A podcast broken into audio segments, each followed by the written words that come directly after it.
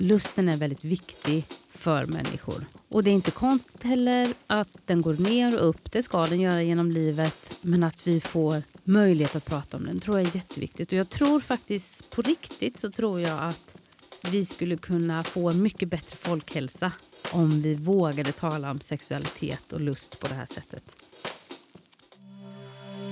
Sex på arbetstid. Sex på arbetstid. Sex på arbetstid. En podd om SRHR för dig som jobbar inom vården.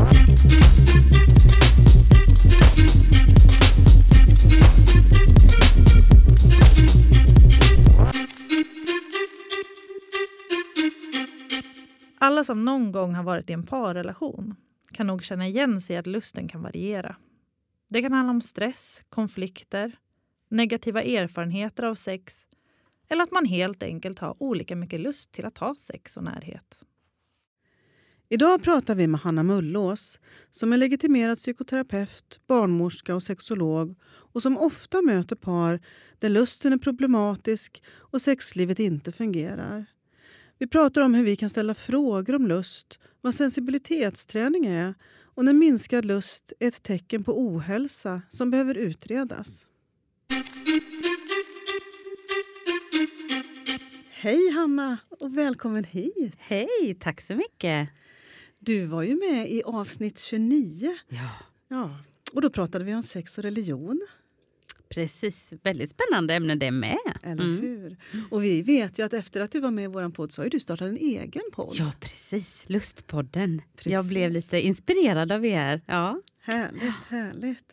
Och den handlar ju om lust och relationer. Det är lite underrubriken till Lustpodden. Mm, mm. Och det har ju vi tänkt att vi ska prata med dig om idag. Spännande. Mm. Eller hur? Eh, Men vi ska också presentera oss som gör den här podden. Och jag heter Anna Skoglund och jag gör den här podden tillsammans med min kollega Elin Klingvall. Ja. Men vi tänker att vi helt enkelt kastar oss in och så börjar vi med den där stora, stora frågan att vad är egentligen lust? Och kanske just då ännu mer sexuell lust. Ja, precis. Det där är en jätteviktig fråga som faktiskt är ganska svår att svara på skulle jag vilja säga. Och särskilt kan man upptäcka det om man tittar i när man försöker studera det i forskning så kan man se att forskare har använt sig av ganska olika angreppssätt och definitioner på vad lust är när de har studerat detta.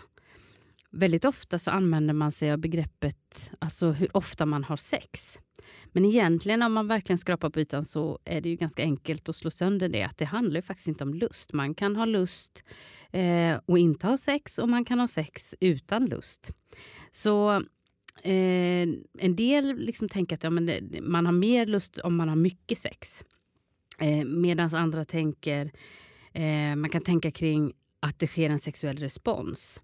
Alltså, det finns ju människor som kan känna jag brinner i mitt huvud och min kropp av längtan efter att få ha sex. Men i mitt könsorgansområde så händer det ingenting. Jag får inte stånd, jag blir inte våt, det blir ingen reaktion. Eh, och då säger många jag har nog ingen lust. Så det, det, alltså handlar det om vår längtan efter att ha sex, vår motivation att ha sex, vår vilja? Eh, handlar det om hur mycket vi gör eller handlar det om vad vi längtar efter? kan man säga så. Eh, sen är det också, man måste lägga in i, i, när man definierar det så måste man också försöka fundera vad lever vi i för kultur? Hur ser man på vad har vi för normer kring just lust? Hur ska det vara? Hur ska det se ut med tvåsamhet eller ensamhet eller flersamhet? Vad har vi för normer kring det? Men väldigt många forskare eh, använder begreppet sexuell lust när det finns en sexuell motivation till att ingå någon form av sexuell aktivitet. Så kan man säga. Vad påverkas vår lust av? då? Jag brukar, när jag sitter som terapeut då och ska försöka liksom få ihop det här pusslet, vad kan lustproblem eller frågor kring detta handla om? Då försöker jag dela upp detta i tre delar. Jag kanske inte ställer dem rakt ut så, men jag har det i mitt bakhuvud. Att jag tänker att lust är någonting som fungerar ekologiskt. Där olika system påverkar varandra. Och då brukar jag tänka dels biologi, Alltså vi har biologi med hormoner, med sjukdomar, med behandlingar, med läkemedel. Allt det som faller inom fysiologi och, läkemedel och sjukdomar och, och kroppslighet. Så. Men sen har vi också vår psykologi. Och lusten kan påverkas starkt av vår självkänsla, eh, vårt självförtroende, eh, hur vi tänker kring oss själva men också vad vi har haft med om i livet, våra erfarenheter, anknytning, hur vi har blivit hållna, hur vi har blivit behandlade i sexuella situationer och relationer. Och sen den tredje systemet tänker jag då är sociologi eller normer. Att vi, lusten kan påverkas väldigt mycket av vad vi har för förväntningar och krav på oss och vad vi tror att vi ska, hur vi tror att vi ska bete oss. Så de tre grejerna brukar jag säga påverkar vår lust. Och då kan ju biologin, det kan ju bli någonting eh, fysiskt i min kropp som gör att jag får en behandling eller medicin eller någonting som påverkar min lust. Och då påverkar det lusten men det kan också handla om någonting som eh, i mina relationer och i min själ, i min längtan och i min personlighet som påverkar. Så, så brukar jag tänka. Men sen tror jag också att... Eh, jag tror att det är jätteviktigt att man funderar kring det här utifrån ett helhetsperspektiv. Vad det är som påverkar lusten. För många kan ju säga ja men det här problemet det handlar om biologi. Liksom. Jag behöver ett piller. Ge mig ett piller så kommer det bli bra. Och Det blir lite samma sak som att när människor har ont i ryggen så vill man hellre få ett piller än att göra sin sjukgymnastik för det kräver mer. Och, ru, ru, ru. och när jag då säger att men om vi ska jobba med lusten då behöver vi se till hela din livsinställning. Du kan inte det är väldigt svårt i alla fall, jag ska inte säga kan inte, men det är väldigt svårt att njuta av sin lust om man hatar allt i sitt liv om ens relationer är urusla, om man blir illa behandlad, om man blir mobbad på jobbet, om, om livet är jobbigt överlag, då är det väldigt svårt att, för många, inte för alla, men för en del är det väldigt svårt att finna den där känslan då. Så att vi behöver se det på ett väldigt stort eh, helhetstänk.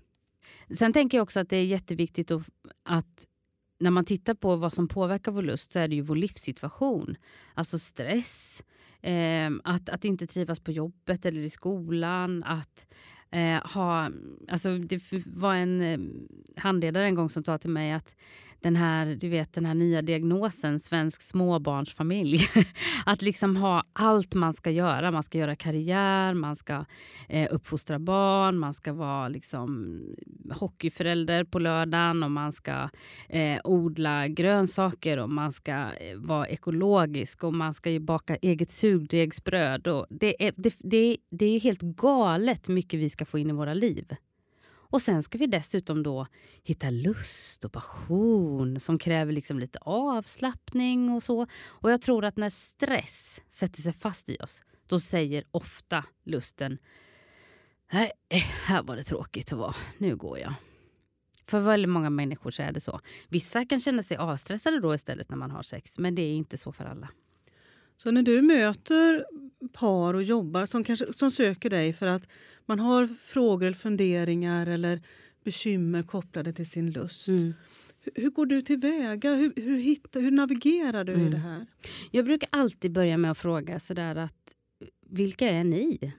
Och, och då det är en intressant fråga när, folk, när man får frågan vem är du? Att väldigt ofta så säger, kan folk Typ liksom bli lite tysta. Jag var med, ja.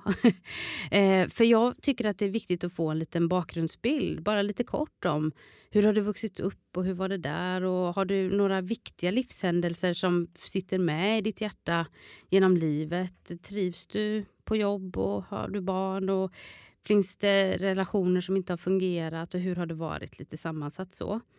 Eh, men sen försöker jag också då hitta, jag brukar säga så att jag försöker hitta var finns lidandet eh, när jag möter de här paren. Eh, för lidandet kan ju finnas i antingen biologin, psykologin eller i, i eh, förväntningarna och kraven. Men också i det här paret så kan ju vara så att problemet och det som gör att de söker, det finns i relationen. Att man har svårt att prata om lusten. Man kanske egentligen vill ganska lika men man kan inte eh, man möts inte ändå på något sätt. Eh, så att det här samspelet, hur ser samspelet ut i relationen och hur känner man att man... Jag tänker att en parrelation, om vi tänker den, så, så blir ju det väldigt mycket två stycken jag. Och då lever vi i ett självständigt samhälle där vi ska vara individer och vi ska ha egna karriärer och allt det där. Så det är två kanske starka personer som ska försöka vara flexibla och inkännande till en annan människa. Och det kan vara väldigt svårt. Att hur parerar man det här vad jag vill och vad du vill? Och där kan det många gånger finnas krockar. Så jag brukar använda första gången åt att bara försöka göra ett pussel om vilka de här personerna är. Eh, och det är inte säkert att de när de kommer så kanske de har en beskrivning om vad problemet är. Men när vi har suttit och talat en stund så kanske det kommer fram saker som gör att de ändrar sig i sin uppfattning om vad problemet är eller vems problemet är faktiskt. Så det, det, är väldigt viktigt tror jag att, eh, att fundera kring hur ser samspelet ut när man möter just par. Och vilka liksom, vanliga problem är det som du möter? Alltså, vilka teman kring lust möter du hos de som söker sig till dig? Ja, det vanligaste, det absolut vanligaste, det är ju att en i ett par säger jag har tappat lusten eller jag har ingen lust. Och då är det heller inte så ovanligt att den som har mindre lust där kan man reflektera kring vad det beror på och om man verkligen har det eller så. Men om vi säger att man säger att man har mindre lust än sin partner så är det oftast antingen att man kommer tillsammans eller så kommer den personen som har lägre lust och säger du måste fixa mig för det är något problem med mig. eh, och Det som är intressant är att om ofta eh, om det är ett heterosexuellt par och det är en kvinna som har mindre lust så är det ofta hon som kommer själv först och säger du måste eh, fixa mig.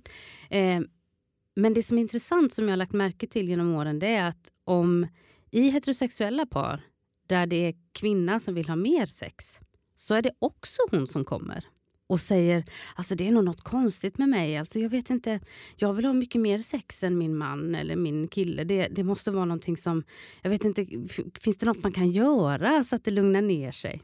Och jag tänker att det, där, det här behöver inte vara manligt och kvinnligt men det är lite intressant hur vi tänker kring vem som ska ta ansvar kring lusten. Också vem det är som ska söka hjälp och vem det är som ska liksom göra någonting åt det. Ofta har det blivit så i de här parrelationerna att det har formats gräl och mönster som gör att man håller på med syndabockstänkande. Sådär. Den som jag då kanske kallar för höglustare eller den personen som har högre lust än den andra den eh, liksom skäller och är arg men får också höra att du är liksom en pervers person som bara tänker på sex. Och den som är, är, är i den lägre lustskalan kanske då eh, hela tiden känner sig jagad och känner aldrig sig bekräftad och känner sig aldrig liksom jag kan inte göra någonting för har vi sex idag så kommer du vilja ha sex i övermån så ingenting jag gör kommer eh, göra dig nöjd. Men den som har högre lust kan också då känna att oh, men, vad är det för fel? Varför vill du inte ha mig? Och om man är en person som tycker sex är kul och tycker där känner jag mig älskad och lycklig och då kan man inte förstå varför vill inte du ha det här? Det måste vara något fel på vår relation eller på mig. Och Det där är den absolut vanligaste orsaken till att man söker till mig. skulle jag vilja säga. Att det finns en obalans i, i detta. Och Det behöver i sig inte vara ett problem. Det är inte konstigt att vi vill olika saker olika ofta, olika mycket och på olika tider. Men när man inte känner att man kan mötas i det utan det blir en spricka som får till slut kanske varje liten klapp på benet en känsla av att nej, nej nu vill den ha sex, jag vill inte, jag orkar inte. Oh, nej, oh. Då blir det liksom eh, någonting som blir en relationsfråga som blir mycket större än själva sexet egentligen. En annan orsak som gör att man söker det är ju också att man har börjat jämföra sig med kompisar man kanske inte alls är intresserad av sex. Man kanske är singel, inte alls intresserad av sex. Och man börjar fundera, men vad är det jag konstig? För det finns sex överallt och alla pratar om hur bra det är och jag förstår inte grejen. Så det kan vara... Många gånger handlar det också om att Alltså dels handlar det om ett personligt lidande som blir någonstans men det kan också vara därför att man tror att man ska vara på ett visst sätt.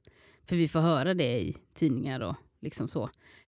Men hur gör, hur gör du då för att liksom lägga det där pusslet tillsammans om det kommer en person eller om den är i relation för att se, handlar det här om att det finns en lust eller lust till att ha lust? Eller mm. hur, hur, gör mm. du då? Ja.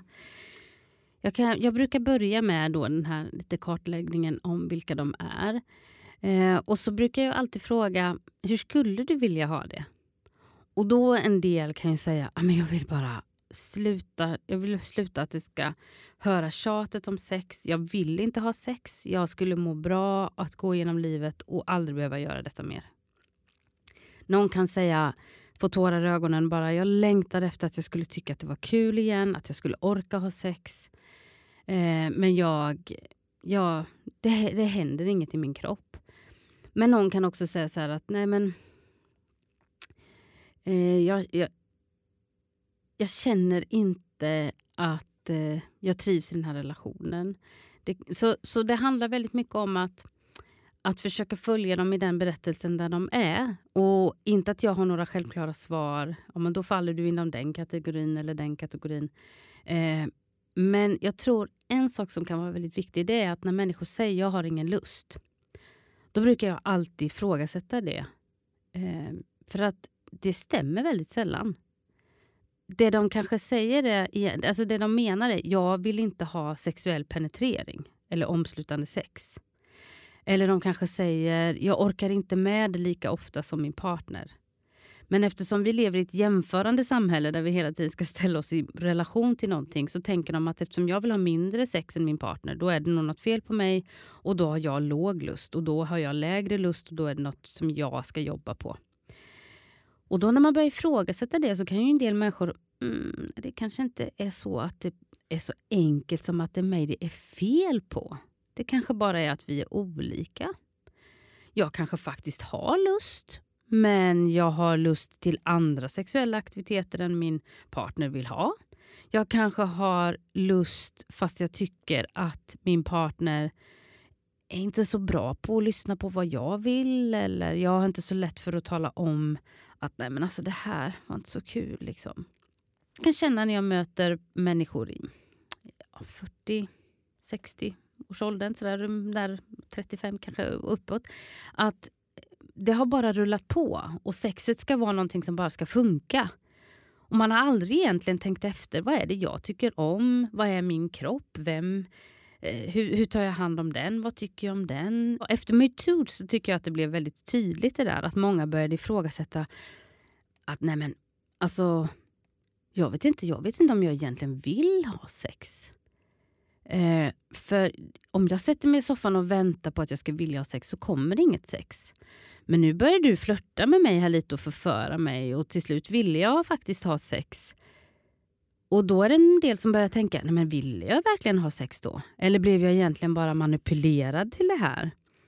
Och det där är ju någonting som har blivit väldigt vanligt att man pratar om just i parrelationer. Vad är min lust och vad är din lust och vad är vårt möte i lust? För i en parrelation så blir det ju naturligtvis en påverkan Eh, och hur ser den påverkan ut? Det försöker jag. Eh, för det är skillnad på att känna sig förförd liksom, och att känna sig manipulerad. Det är två ganska olika saker. Men att, att få, få lite skrapa på ytan. Hur vill du ha det? Det tycker jag är en jätteviktig fråga att våga ställa till både individer och till par. Hur vill du ha det? Och sen också med respekten för att man lever i en parrelation så kanske man aldrig 100% kommer få det jag vill. För då kanske vi inte ska leva i par, då kanske vi ska leva själva. Och så. Utan i parrelationer så ingår det ju faktiskt att det ska finnas ett, ett dynamiskt, flexibelt givande och tagande. Men det är ju stor skillnad på att vi ska ställa upp eller att vi ska ja, göra saker som vi inte vill. Det är ju inte alls det jag pratar om. Men i den här dynamiken, hur ser dynamiken ut?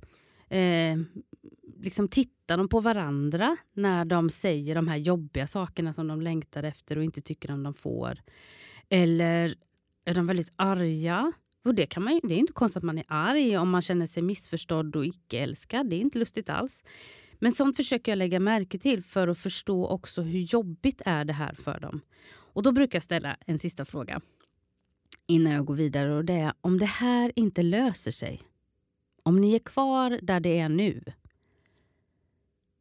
hur blir det då? Och vad händer då? Och då kan man ju se en del par som säger ja men snälla någon, vi har ju så bra, vi har ju underbara barn och vi har roligt och vi spelar golf och kärvärd, det löser vi väl på något sätt. Då får vi väl sitta här och småskratta åt att det inte blev mer sex. Liksom. Medan det finns andra där någon säger då i paret, då skiljer jag mig. Är inte det här löst om ett halvår, då går jag. Jag orkar inte en dag till. Och det finns de där någon har sagt att eh, om det här inte blir bättre, om det inte blir mer sex, då tar jag livet av mig. Det, det låter som ganska hårda Mm. villkor. Eller, eller Mm. också, det någonting säger det ju också om lidandet och den Mm. stora problematiken som det innebär för de personerna. Då. Mm. Exakt. Och där sätter du, nu blir jag glad Anna. Du sätter du fingret på det som är så viktigt att lyssna på när man sitter i de här samtalen. För det är väldigt lätt. om man har, Vi säger då, ponera att vi har en person som vill ha mindre sex och vi har en person som vill ha mer sex. Och beroende på deras dynamik, om jag som terapeut uppfattar den här som, vill, som är låglustare som nästan förtryckt i sin sexualitet eller eh, som har väldigt hårda krav på sig och jag uppfattar höglustaren som någon som bara sätter villkor och bestämmer och är arg. Då är det väldigt lätt att tidigt gå in i det och liksom försöka skydda den där lägre lustaren. Och Det är klart att vi ska skydda människor, det är inte det jag menar. Men vi måste också våga lyssna till att den här hårda tonen kanske kommer ifrån en ganska lång process där man har försökt att lirka och man har försökt att göra och så säger den andra om du bara gör det här för mig då kommer det bli lättare att ha sex. Och så gör man det. Och så får man inte sex. Och man känner bara men älskar du inte mig, åtrår du inte mig, är jag inte snygg, är jag inte sexig och så går det år och år och år och år och år. Och till slut så bara känner man nej nu får det vara nog. Så att det där behöver man ju undersöka lite som terapeut eller behandlare eller person innan man bara går in i detta och säger Håll käften din pervers, liksom kravfyllde idiot här. Nu ska jag skydda den här personen som säger nej. Eh, utan att man kanske stannar upp lite och tar ett djupt andetag. För det är också så, och det är någonting som kan vara lite svårt att prata om men som är viktigt att komma ihåg. Det är att sex är ett maktmedel. Hur menar du då? För jag tänker, vi, vi pratar ganska sällan om makt i relationen. Ja, alldeles för lite. Alldeles för lite. Men jag tror att det beror på att i svenskan så är ordet makt ganska negativt. Om man säger så till ett par, vem har mest makt i er relation? Då är det ingen som direkt vill säga det har jag. För det är inte något fint eh, om ni förstår vad jag menar. Men om man tänker ordet power istället. Eh, om man försöker förklara ordet makt som förmågan att kunna förändra, möjligheten att kunna påverka någonting. Då blir ju kanske begreppet makt lite lättare att ta till sig. Så vem är det mest som har, kan påverka hur det blir i er relation? Och vad händer, vad händer med dig? Jag brukar säga så till hög och låg lustaren Då. Sen är inte jag alltid sådär att jag kanske benämner dem på det sättet utan jag brukar säga att vi får olika positioner och de kan förändras genom livet. Och I en relation kan man vara den som vill ha mer sex och i nästa relation så är man den som vill ha mindre sex. Och det kan se så olika ut. Men jag tycker att det är viktigt att ställa frågan till till exempel höglustaren. Om du inte får sex, om du blir avvisad eller så, vad händer med dig då? Om den personen ger uttryck för extremt stor frustration, ångest, ilska, irritation då är det ju väldigt lätt för den som är låglustare att nej, men ja, vi gör väl det då. Då vet jag att då blir du gladare imorgon, du blir en bättre förälder, du blir trevligare på arbets, i arbetslaget och du kommer komma hem och vara gladare. Alltså vi, vi, kan, vi, kan, vi ska vara varandras stöttepelare men vi kanske inte ska vara varandras sexuella medicin. Den som liksom kan bära din ångest utan vi måste träna oss på att bära oss själva och stå ut med att men vi blir ratade. Det blir vi. Men om vi blir det varje gång och år ut och år in och aldrig får någon förklaring eller ett samtal kring hur skulle det här kunna förändras eller vad är det det beror på. Då blir det väldigt svårt. Då måste man kunna prata om det här med maktbalansen och vad det gör med en. Men jag menar, det, är, det finns ju en väldigt stark norm att vi ska känna lust. Mm. Och jag tänker om den här personen då som har liksom backat från sex i flera år kanske egentligen har kommit på att man är asexuell, att man Mm. inte har någon lust. Mm. Hur jobbar du med par Mm. då? Det är en jättefin fråga för att det finns ju de då som de kanske ingick relationer när de aldrig hade hört det begreppet utan de har alltid försökt att trycka in sig själva i en norm där man ska vilja ha sex. Och man eh, gör allt man kan. Man, man testar hälsokost och man går på mindfulnessövningar och man tittar på filmer och man läser noveller och det händer ingenting och man bara tänker ju mer det liksom inte går igång så tänker man att det är något fel på en.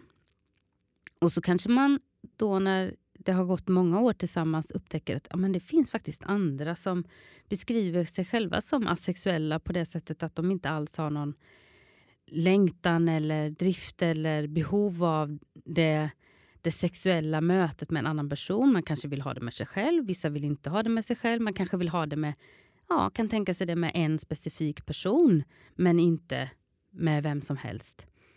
Eh, men då, jag, jag försöker lyfta det utifrån att med tanke på att vi ser det som en, som en, en möjlighet att leva ut sin sexualitet, om man säger så, att vara sexuell.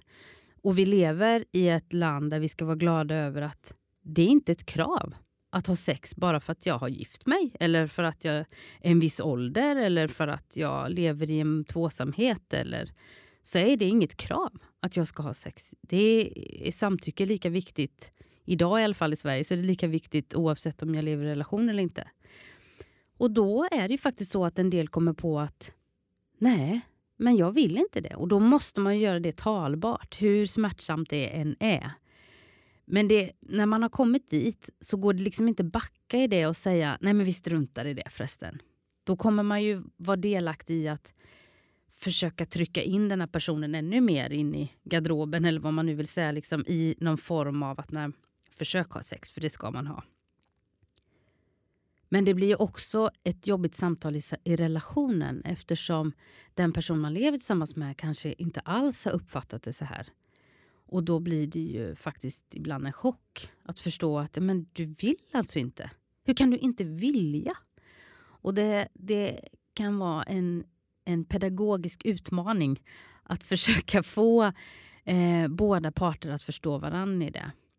Eh, jag brukar säga det att jag kan inte ge motivation till någon människa. Jag kan liksom inte, utan jag, jag kan kanske vägleda och eh, vända på korten och det du säger så att vi skulle kunna se, kan det finnas här? Kan vi göra så här? Kan vi göra så här? Men det är inte jag som ska leva med ditt beslut. Så du måste må bra i det. Du måste känna att det faller väl in i din kropp och i ditt liv på ett sätt som du eh, mår bra av.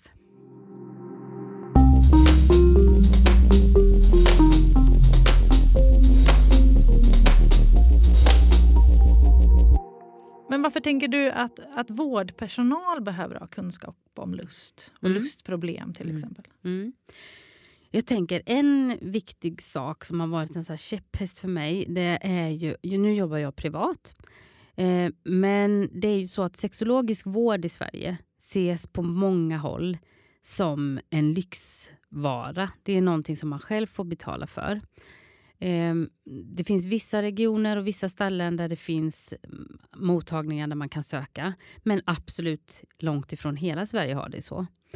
Och Det gör ju att då är det de som kan betala för det som kan få den vården. Och Det gör i sin tur att det är en klassfråga. Och då kan någon som lyssnar tycka att ja, men snälla någon, nu, vi som vårdpersonal vi ska ta hand om så många saker. Vi ska ta hand om, lyssna på om människor använder droger och alkohol, om de slåss, om de liksom grälar. Vi, alltså det, vi kan inte prata om sex också. Liksom.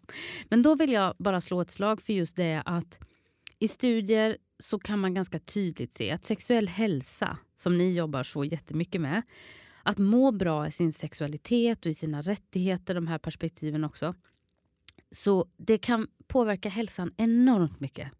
En person som mår bra i sitt sexuella liv och i sitt relationella liv klarar kanske cancern bättre än om den mår dåligt även i sin sexualitet. Och Sen påverkar det naturligtvis varann. Men sexuell hälsa kanske för många människor är en viktig, viktig del i den övergripande hälsan. Så om vårdpersonal inte har någon som helst liksom, intresse eller förståelse för hur viktiga de här frågorna är då är det väldigt lätt att man missar viktiga hälsoaspekter som man kan hjälpa människor med. Så därför så tror jag det är jätteviktigt att det här blir en, eh, en typ av vård som även om inte alla kan erbjuda sexologer eller spetskompetens överallt så ska man i alla fall kunna på en basnivå våga ställa frågorna och kunna förstå att en person som till exempel ska gå igenom en operation eller har fått en sjukdomsbesked eller som har, eh, ska få en protes eller vad det än kan vara. Kanske att vi behöver fråga frågor kring hur ser dina relationer ut och hur tänker du att den här situationen som du är här för nu påverkar ditt sexualitet och ditt samliv? Är det någonting vi kan prata om? Vi kanske inte kan svara på alla frågor men vi kanske vet någon som kan och som vi kan hänvisa till. För att vi vet att lusten är väldigt viktig för människor. Och det är inte konstigt heller att den går ner och upp, det ska den göra genom livet, men att vi får möjlighet att prata om den tror jag är jätteviktigt. Och jag tror faktiskt på riktigt så tror jag att vi skulle kunna få en mycket bättre folkhälsa om vi vågade tala om sexualitet och lust på det här sättet. Så det låter som att den allmänna hälsan påverkas stort. Men det kan ju också vara som så att, att en lustförändring kan vara tecken på en, på en ohälsa, alltså en sjukdom kanske som behöver utredas. Hur, hur, kan man tänka där? Eller vad kan man behöva, vad kan behöva utredas? Eller hur gör mm. man? Ja, jag brukar alltid fråga människor då om det här med det biologiska. Vad har de med sig? Och Då kan ju någon säga så här helt plötsligt att jag, jag har jättelåg lust och jag känner nästan äckel. Och det kom under smygande under någon månad. Så där. Jag förstod inte vad som hände. Och så börjar man prata om det där och så inser man att men det här är en person som har haft bröstcancer som äter mediciner som ska trycka ner sexualhormonerna. Och då berodde det ju på det. Så det som är tråkigt är att det finns väldigt många människor som söker vård och som får vård för någonting men ingen har berättat om dem att det, för dem att det kan bli såna biverkningar. Och Det är ju jättehemskt. Då kanske de går i terapi och försöker lösa det här. Och Terapeuten är inte in, inkännande i de medicinska frågorna och så kanske inte förstår att det är kopplat. Liksom. Och så, det blir, kan ju bli helt galet. Så väldigt sällan, faktiskt mycket mer sällan än man tror så beror sexuell olust på ett medicinskt och biologiskt problem. Alltså specifikt att det skulle handla om någon eh, hormonsvikt eller eh, tumörer eller så som skulle kunna påverka det. Men det är självklart att man ska utreda det om man tror det. Eh, då, då ska man lyssna på om det har kommit väldigt snabbt. Eh, att man, och att då ska det liksom kanske inte bara vara att nej, men jag tycker det är lite tråkigt eller så här, utan att det faktiskt är en slags olust som gör att hela kroppen vänds ut och in och det känns som att du, om du bara tar på mig så känns det som ett övergrepp. Det behöver man ju utreda.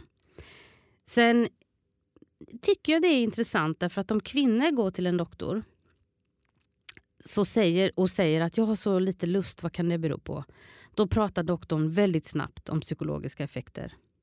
Om män går till en doktor, nu generaliserar jag, men väldigt tidigt istället för att börja prata om psykologiska effekter så pratar man ganska direkt om blodtryck, eh, om eh, man pratar om testosteronhalter och liknande. Och det är jättebra att det utreds för då vet man det. Nej men det är inte där det är problem. Men det är lite intressant att vi mycket oftare biologiserar och medicinerar den manliga sexualiteten än den kvinnliga sexualiteten. Den psykologiserar vi och den är lite mystisk och den är lite så krånglig. och så. Eh, så att, men självklart finns det situationer när man ska utreda det medicinskt. Eh, när det är extrem smärtproblematik i kombination till lust så ska man också utreda det. Det tycker jag är viktigt. Eh, men det sagt så är det ju så att det är väldigt sällan som man ser aha, det var det här pillret du behövde. Om du, om du får det, då kommer det här lösa sig. Utan det är också ett system, så även om orsaken finns i biologin så kan det ändå ha smittat över sig på den psykologiska effekten och då behöver man ändå ge någon slags helhetsbedömning. Vi går ju genom livet med och de allra flesta av oss får olika erfarenheter av olika slag. Och en del har, har också erfarenhet av exempelvis sexuella övergrepp eller andra trauma. Kan det påverka också lusten och, och jag tänker hur du som terapeut kan arbeta för att hjälpa den personen i sin lust? Mm. Jag tror att det har extremt stor påverkan på sexualitet. Och då menar jag inte bara penetration eller omslutande sex utan all form av sexualitet som är väldigt intim och nära kan kännas bara nej, du kommer för nära, jag vet inte vad som händer, jag, oh, jag får panik. Och när de känslorna kommer så kan det bero på livssituationen, det är stressat, jag orkar inte, jag vill inte just nu. Men det kan också vara så att det finns erfarenheter genom vårt liv som har varit invaderande, där någon har kränkt våra gränser. Och väldigt många människor som man möter, om de skulle få en direkt fråga, har du varit, blivit våldtagen? Så skulle oerhört många människor skulle säga nej. Har du varit med om övergrepp? Då skulle väldigt många människor säga nej. Har du varit med om att någon har kränkt dina gränser sexuellt? Så skulle lite fler människor börja och till slut så märker man att Åh, alltså, jag kan ha hade en patient som, som sa att ja, sen blev jag ju av med oskulden när jag var 12 eh, till den här personen som var 32. Och då är det ju här, det här var ju en patient som har tänkt kring den här händelsen som en vanlig samtyckessexuell situation. Men när vi började liksom prata om det då så förstod den här personen mer och mer att jaha, vi kan inte enligt svensk lag ens ge vårt samtycke om vi är under 15 år. Vad var det jag var med om då? Och då började liksom berättelsen läggas på plats i den här personen. Och jag tror att det är jätteviktigt att vi förstår att Många kan uppleva att de här händelserna man har med sig de, de blir inte begripliga för man har inte sett det som att det faktiskt har blivit utsatt för någonting. Jag kan ju också möta de här personerna som har varit med om jobbiga erfarenheter i sin parrelation. Där det är så att partnern vill en jätteväl, älskar den men har inte förstått att man med hela sin kropp vill säga nej. Den har inte läst av det. Och man själv kanske inte har klarat av att visa det. Man har inte velat säga det därför att man tänker att då blir du så ledsen, jag vill inte göra dig ledsen. Och om man har levt så under en tid, det behöver inte vara under en tid, det kan vara en gång, men att till slut känner man att nej, det här går inte. Och då måste man ju få bearbeta det på ett sätt som gör att man får återerövra sin sexualitet igen. Och väldigt många personer som har varit med om övergrepp, blivit sexuellt utsatta får ju traumabehandling. Men traumabehandlingen kanske stannar vid där att man kommer över det här, man får inte flashbacks längre och man tycker att livet är okej. Okay. Men man kommer inte dit att nu kan jag njuta av min sexualitet. Utan man kanske istället undviker sex och då har man inte enligt min mening riktigt fått möjligheten att bearbeta det fullt ut. Ett tips kan vara att man som, som terapeut, eller behandlare, eller läkare, eller sjuksköterska eller socionom, vad man än jobbar som, kan säga har du varit med om en situation som var obekväm sexuellt? Om man börjar där så kanske man får lite, ja ah, det, det, där var lite jobbigt när det blev så. ah, vad hände då? Och så till slut så kommer man på att det hade kanske var lite mer än obekvämt. Men om man börjar med, har du varit med om ett sexuellt övergrepp? så är det väldigt många människor som stänger sig och tänker nej det har jag inte. Ja, ja, jag gick ju med på det. Så det har jag inte. Men om man säger var det obekvämt? Då kanske man kan nå något mer. Men om det då inte är en situation då det till exempel är att man upptäcker en person med trauma som kanske behöver egentligen traumabehandling eller att det är en, då en medicinsk orsak som sexuella biverkningar av läkemedel eller något annat som behöver utredas. Utan det handlar just om lust som är kopplad i relationen och man behöver kanske hjälp med att här, komma tillbaka till det om man vill ha lust. Vilka metoder kan man jobba med då? Mm. Ja, eh, det hade vi väl önskat att det fanns en sån här riktigt bra checklista. Eh, jag tror att man får vara lite individuell. Jag skulle vilja börja med att fråga den här individerna i den här, eh, om det nu, det behöver inte vara en parrelation, utan individen eller individerna som kommer. Hur tänker du kring din lust? För vem gör du det här? För väldigt många människor gör det kanske primärt för att partnern vill att det ska ändras. Och då kanske man når en bit, men inte hela biten. För att om du inte vill då är det ju ett trots inom dig som inte vill och då ska vi lyssna på trotset. Alltså det vore väl fruktansvärt om vi ska tvinga Pippi Långstrump och vilja vara som alla andra. Alltså, trots är ju någonting bra, det behöver vi ju. Så vill du verkligen för din egen skull? Nej men, nej, men det kanske inte är så viktigt. Jag vet inte riktigt vad jag vill. Men jag vill kunna liksom känna så pass mycket lust så att jag tycker det är okej att ha sex med partnern. Och det får man ju respektera, men jag kan nog bli lite provocerad av det när människor inte vill ta ansvar för att jag jag vill vara kåt, jag vill vara upphetsad, jag vill ha. Väldigt många människor som jag möter har svårt för detta för de tror att det är att vara självisk. Eh, att, att få vara självisk i det hänseendet att jag måste få lyssna till min egen kropp och vad vill jag? Där försöker jag börja. Eh, för varje människa måste våga ta ansvar för sin egen lust. För utan att lära känna den så är det väldigt svårt att veta när jag vill säga nej. Och när vill jag säga ja? Så det brukar jag börja med.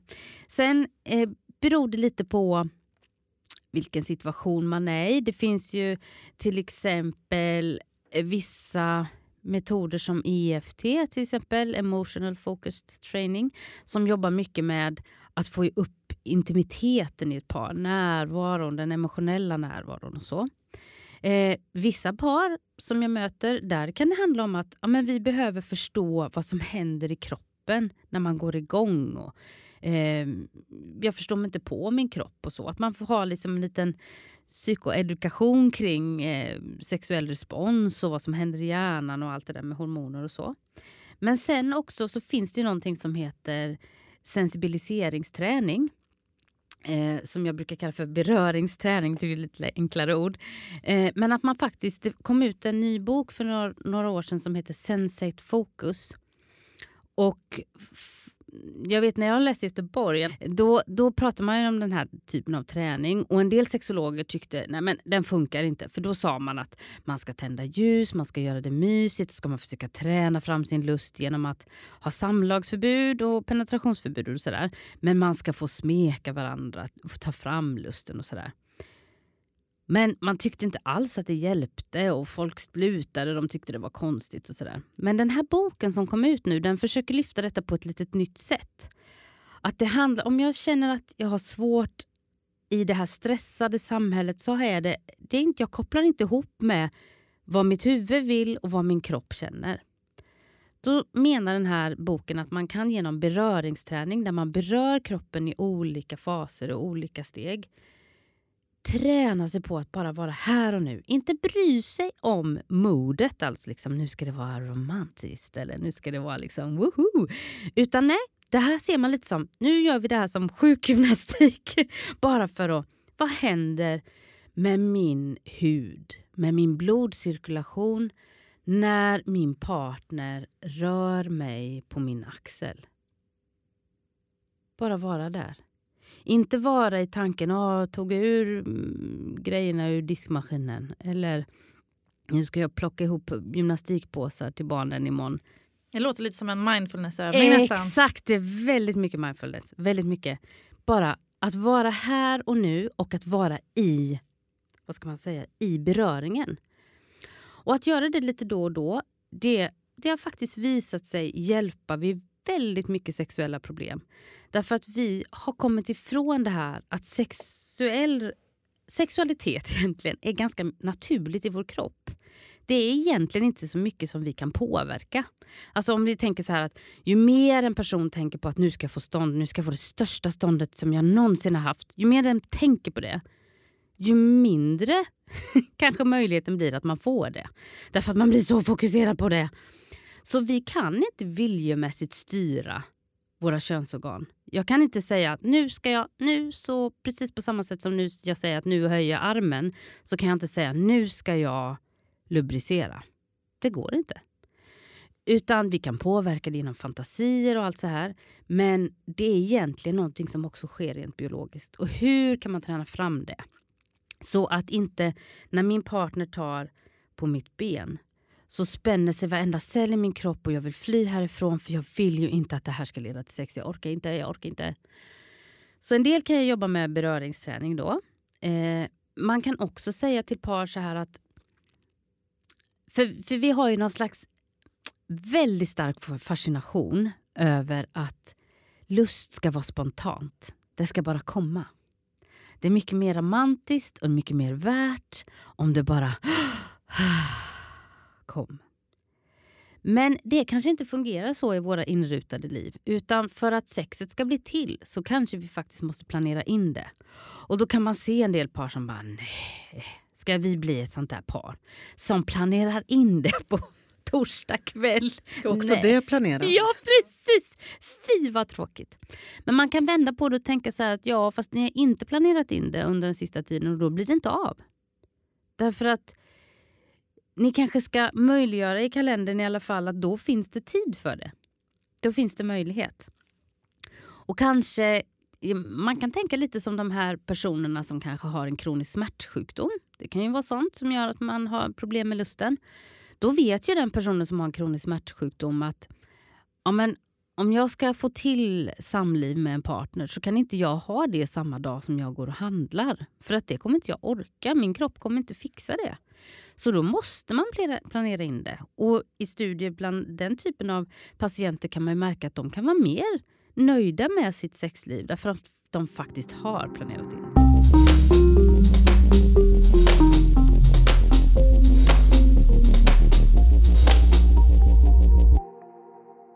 Jag tänker att nu sitter vi tre här med leende på läpparna när vi har pratat så mycket om lust. Mm. Alltså det händer någonting. Mm. Jag tänker i hälso och sjukvården så är vi ganska bra på att prata om problem Mm. och dysfunktioner. Och hur ska vi göra för att Mm. vi som vårdpersonal ska bli bättre på att lyfta det positiva med, Ja. löften, med lusten? Jag tror att det är alltid mycket lättare att sätta fingret på saker när det inte är bra. Eh, för att om vi ska säga det här är bra så blir det fel därför att människor mår bra av olika saker. Man vill ju leva sitt liv på olika sätt. Men att vara lustbejakad inom sjukvården det handlar ju om att vara hälsobejakande, tänker jag. Att förstå att det kan finnas hälsa i den svåraste palliativa stund. Att, att eh, ha ett fokus i sitt huvud. Där tror jag lite jag lärde mig en hel del när jag bytte spår från sjuksköterska till barnmorska. just Att sjuksköterskans jobb är väldigt sjukfokuserat medan barnmorskans jobb är väldigt hälsofokuserat och friskfokuserat. Och att tänka att även om jag jobbar med de svårast sjuka patienter så handlar det om hälsa för den här personen i denna stunden. Och att om vi tappar lusten i det, då, då är det så mycket i livets mystik och innehåll och njutbarhet och glädje och, och så som försvinner.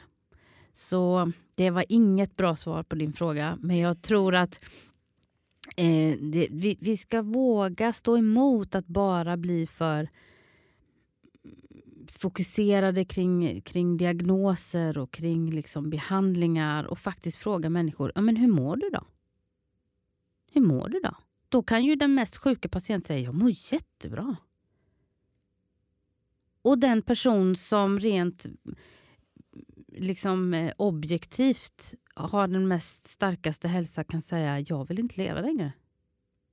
Så hälsa och lust är ju någonting annat än det vi bara ser. Hanna, du har ju varit med i vår podd förut. Så du vet ju att vi alltid avslutar med tre tips. Så vilka tips har du med dig till andra vårdgivare? Ja, det här kanske var... Eh, det här var lite svårt just i det här eh, hänseendet, för det finns så mycket som man kan säga. Men sammanfattningsvis så skulle jag vilja att man kommer ihåg det här med maktbalansen. Makten i mig själv och i relationen. Och att makten kan användas för när jag säger nej till sex. Då kan jag bestraffa någon. Makten kan användas för att tvinga någon till sex. Så att man inte glömmer den aspekten, den tror jag är jätteviktig. Sen skulle jag vilja uppmana personer att inte glömma den med hög lust. För det är väldigt lätt att fokusera så mycket på den med låg lust. För att den säger ofta själv att det är ju jag som är problemet. Och det, det tror jag i sig är viktigt att man försöker komma bort ifrån. Men eh, att man försöker hjälpa den som har hög lust att förstå att det är inte så det behöver inte vara så i alla fall, att du är en sexgalning som bara kräver sex. Du vill ha närhet, intimitet med din partner. Och det ska du inte behöva skämmas för. Du ska inte behöva skämmas för att du har en stark lust. Eh, däremot behöver du ta ansvar för dig själv och inte gå över gränser så naturligtvis. Men att man inte glömmer den personens lidande. För det är väldigt lätt att bara eh, rikta sig väldigt mycket kring den som har låg lust. Och det tredje skulle jag vilja säga är att man inte gör det stora felet att tro att alla som lever i en parrelation lever som den parrelationen jag har. Utan att man faktiskt jobbar med sig själv och ser att människor kan leva på massa olika sätt. Och att inte man dömer människors liv och sätt att leva utifrån hur man själv vill leva. Jag har hört människor som kommer då och har varit hos någon terapeut där terapeuten har vänt sig till den med låg lust och sagt att men det här är ju en person du älskar, så hur svårt kan det vara? Och då tänker jag att det speglar ganska mycket vad den terapeuten tänker själv om sin situation. Men så är det ju inte för människor. Vi har ju ingen aning om hur de har det hemma. Och De kanske ser jätteglada och trevliga ut men hemma så är det ångest. Det vet ju inte vi. Så att, att man inte dömer andras liv efter sitt eget. Tack så jättemycket Hanna. Det var så himla intressant att lyssna på dig. Tack så mycket.